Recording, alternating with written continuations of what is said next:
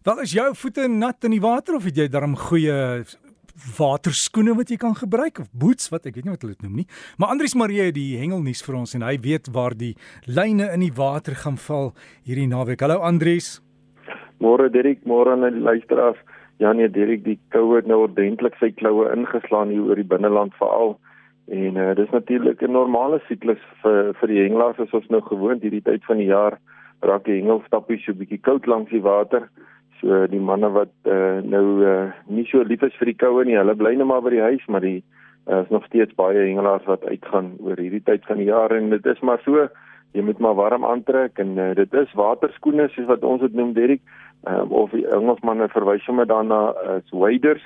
Dis nou daai lang broeke wat so van vuil ja. gemaak is dit hou jou bietjie droër as jy so in die water moet ingaan en warmer natuurlik. Ja want as jy eers nat word dan is dit verby né Ja nee, dan kry jy sommer gou vrot potjie van die koue Derek. maar Andries, jy het daai hele lys van gebeure hierdie afgelope paar dae? Ja, heeltemal reg Derek. Die hengelnuus vanoggend begin by KwaZulu-Natal, maar nie by die see gedeelte nie, maar wel by die varswater gedeelte. Die KwaZulu-Natal se oeverhengel provinsie het die afgelope naweek hulle klapkampioenskappe aangebied daar by Amsterdam wat net so buitekant Newcastle gelees het Nou ja, soos wat die koue daar is, is dit ook moeilik geweest met die hengel daar by hulle. Daar was so omtrent 130 hengelaars wat deelgeneem het en die man het maar lekker gesukkel om 'n vis in die hou net te kon plaas. Nou Ashby Lay uh, is een van die manne wat uh, goed gedoen het vir die dag. Hy kon 5 visse vang wat in totaal 6.9 kg geweg het en daarmee kon hy sy sone gewen het.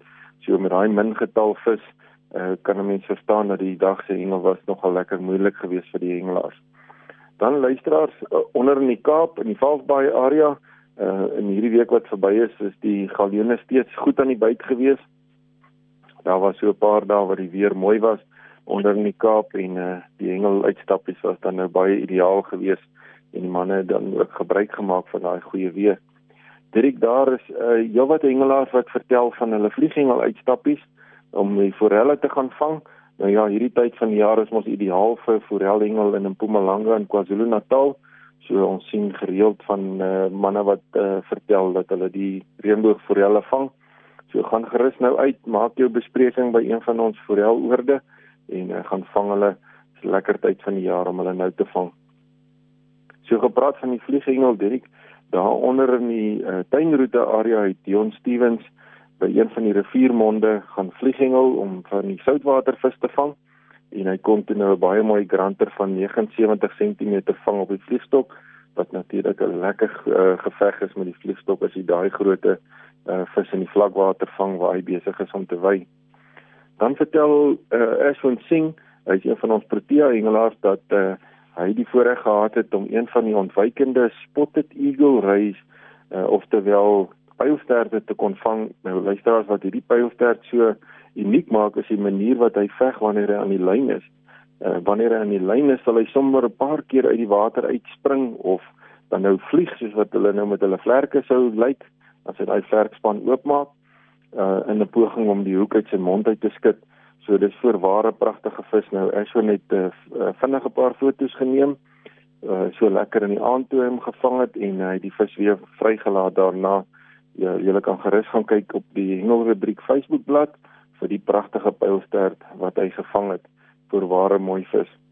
Dit ek dan vertel die manne van die boot Walala dat hulle daar by St. Lucia uitgegaan het en uh, hulle het 'n paar Natalse snoeke kon vang. Kyk gerus ook na die mooi foto van die boot waar hy daar op die strand lê met die hengelaar wat trots staan met sy visse wat hy kon vang. Luister, dan is daar uh, goeie nuus met die beweging van die sardientjies.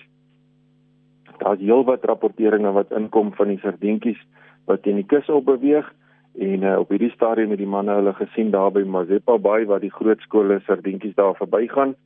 Nou uh, ek sien vanoggend was al die eerste rapporteringe van die kabeljoue wat uitkom daar by Mazeppa Bay. So ek vermoed in die week wat kom gaan die manne wat die haie vang daar by Mazeppa lekker speel en uh, ek weet van my vriende Johan Donald en GP Nel en Loggies is op pad soontoe. Sterkte manne, gaan vang daai groot haai en stuur vir ons daai mooi foto's want ek weet daai skole wat nou verby beweeg gaan die haie saambring. Dit het dan so gepraat van KwaZulu-Natal. Daar was uh, deur die Umhlanga skiebootklub onlangs 'n kompetisie aangebied daar naby hulle. Nou ja, die manne het bietjie gesukkel want uh, met die vloede wat daar was in uh, die KwaZulu-Natal omgewing, is die see nog steeds vuil en die vangste was nie baie goed geweest nie. Daar was egter een pragtige amberjack wat uitgekom het van so 18 kg. Nou ja, daar was juniortjies op die boot wat uh, almal saamgewerk het om hierdie mooi vis te kon vang op 10 kg breedraglyn. Baie mooi gedoen julle jong hengelaars. Dan uh, en, uh, luisteraars wat die hengelwenk betref vir die week, ehm um, is dit iets wat nou natuurlik op al ons hengeldissiplines van toepassing is. So of jy nou karphengel doen of jy nou leervis in die see vang of jy nou forellhengel uh, doen, dit is op almal van toepassing en uh, die een gemeene faktor is dat almal maak gebruik van hoeke. Nou op hierdie stadium luisteraars uh, is die tegnologie so ontwikkel dat hoeke skerp gemaak word met 'n chemiese proses en dit veroorsaak dat daardie punt baie baie skerp is. Daar is wel nog van die fabrikate wat hulle sluit, maar die meeste is nou deesdae chemiese prosesse.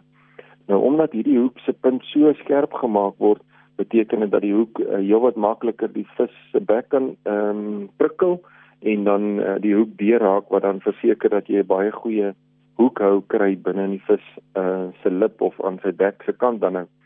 En wanneer uh, jy dan nou besig is om te hengel, gebeur dit baie maklik dat jy hoek se punt 'n klippie stamp of iets op die boot kap uh, en dan buig daai klein puntjie om en dan uh, volgende keer as jy 'n vis aan die lyn het, dan speel jy hom so vir 'n rukkie en dan ewe skielik kom hy af uh, en dan jy nie gesien dat daardie punt van jou hoek stomp geraak het nie of hy omgebuig het nie. So let bietjie op na jou hoeke se punte, so terwyl jy hengel deur die dag, laat jy uh, die heeltyd seker maak dat jou hoek nog reg is en uh, jy kan hom of weer slyp of jy kan net weer 'n ander hoek vir jouself aansit. Daar's onder die hengelaars se gesegde wat sê dat keep your sharp keep a sharp point. So hengelaars kyk maar na die hoeke se punte, dit sal baie meer sukses vir jou verseker. Dirk baie dankie. Dis al die hengelnuus aan my kant. 'n Aangename naweek wens ek vir almal toe. Baie dankie Andrius, het jy vir ons foto's gelaai?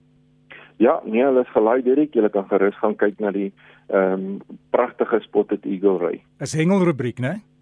Ja, heeltemal reg. Hengelrubriek op Facebook, tik hom net daarin en jy sal hom kry.